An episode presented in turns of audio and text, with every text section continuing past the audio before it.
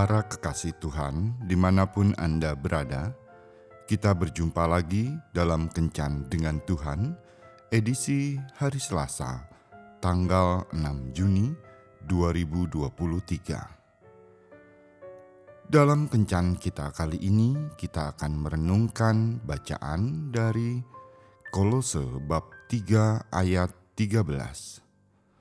Sabarlah kamu seorang terhadap yang lain, dan ampunilah seorang akan yang lain, apabila yang seorang menaruh dendam terhadap yang lain.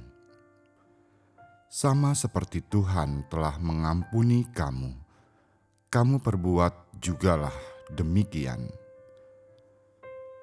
Sahabat kencan dengan Tuhan yang terkasih, seorang pria dan kekasihnya menikah, dan acara pernikahannya sungguh megah.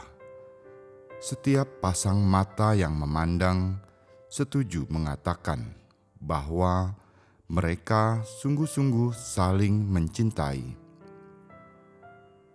Beberapa bulan kemudian, sang istri berkata kepada suaminya, Sayang, aku baru membaca sebuah artikel di majalah tentang bagaimana memperkuat tali pernikahan. Katanya sambil menyodorkan majalah tersebut. Kita akan mencatat hal-hal yang kurang kita sukai, kemudian kita akan membahas bagaimana mengubah hal-hal tersebut dan membuat hidup pernikahan kita bersama lebih bahagia. Suaminya setuju, dan mereka mulai memikirkan hal-hal dari pasangannya yang tidak mereka sukai, dan berjanji tidak akan tersinggung ketika pasangannya mencatat hal-hal yang kurang baik, sebab hal tersebut untuk kebaikan mereka bersama. Malam itu, mereka sepakat untuk berpisah kamar dan mencatat apa yang terlintas dalam benak mereka masing-masing. Besok pagi, ketika sarapan, mereka siap mendiskusikannya. "Aku akan mulai duluan, ya," kata sang istri. Lalu ia mengeluarkan daftarnya. Banyak sekali yang ditulisnya, sekitar tiga halaman. Ketika ia mulai membacakan satu persatu hal yang tidak dia sukai dari suaminya, ia memperhatikan bahwa air mata suaminya mulai mengalir. "Maaf, apakah aku harus berhenti?"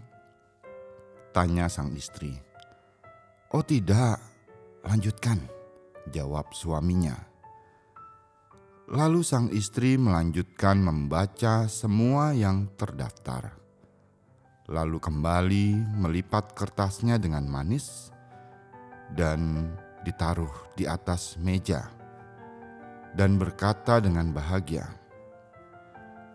"Sekarang gantian ya, engkau yang membacakan daftarmu."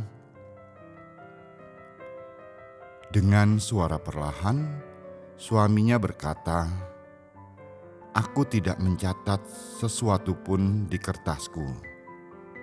Aku berpikir bahwa engkau sudah sempurna, dan aku tidak ingin mengubahmu.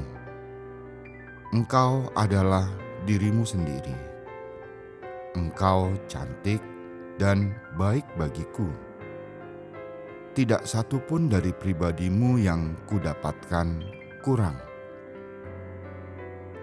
sang istri tersentak dan tersentuh oleh pernyataan dan ungkapan cinta serta isi hati suaminya, bahwa suaminya menerimanya apa adanya. Ia menunduk dan menangis. Dalam hidup ini, banyak sekali kita merasa dikecewakan, depresi, dan sakit hati. Sesungguhnya tak perlu menghabiskan waktu memikirkan hal-hal tersebut. hidup ini penuh dengan keindahan, sukacita, dan pengharapan. Mengapa harus menghabiskan waktu memikirkan sisi yang buruk, mengecewakan, dan menyakitkan jika kita bisa menemukan banyak hal-hal yang indah di sekeliling kita? Kita akan menjadi orang yang berbahagia jika kita mampu melihat dan bersyukur untuk hal-hal yang baik dan mencoba melupakan yang buruk. Tuhan Yesus memberkati. Marilah berdoa. Tuhan Yesus, aku bersyukur atas pasangan hidup, anak-anak, dan orang tua yang Kau berikan. Ada banyak hal-hal yang menyakitkan dalam menjalani hidup bersama mereka.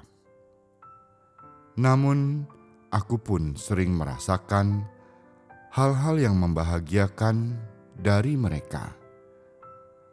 Apa pun keadaan yang kualami saat ini, ajarilah aku untuk tetap melihat yang baik dalam diri mereka, karena mereka adalah hadiah yang kau berikan kepadaku. Kalau aku tidak bisa mengubah mereka, bantu aku agar aku dapat lebih dahulu berubah, sehingga semuanya akan menjadi lebih indah pada akhirnya. Amin.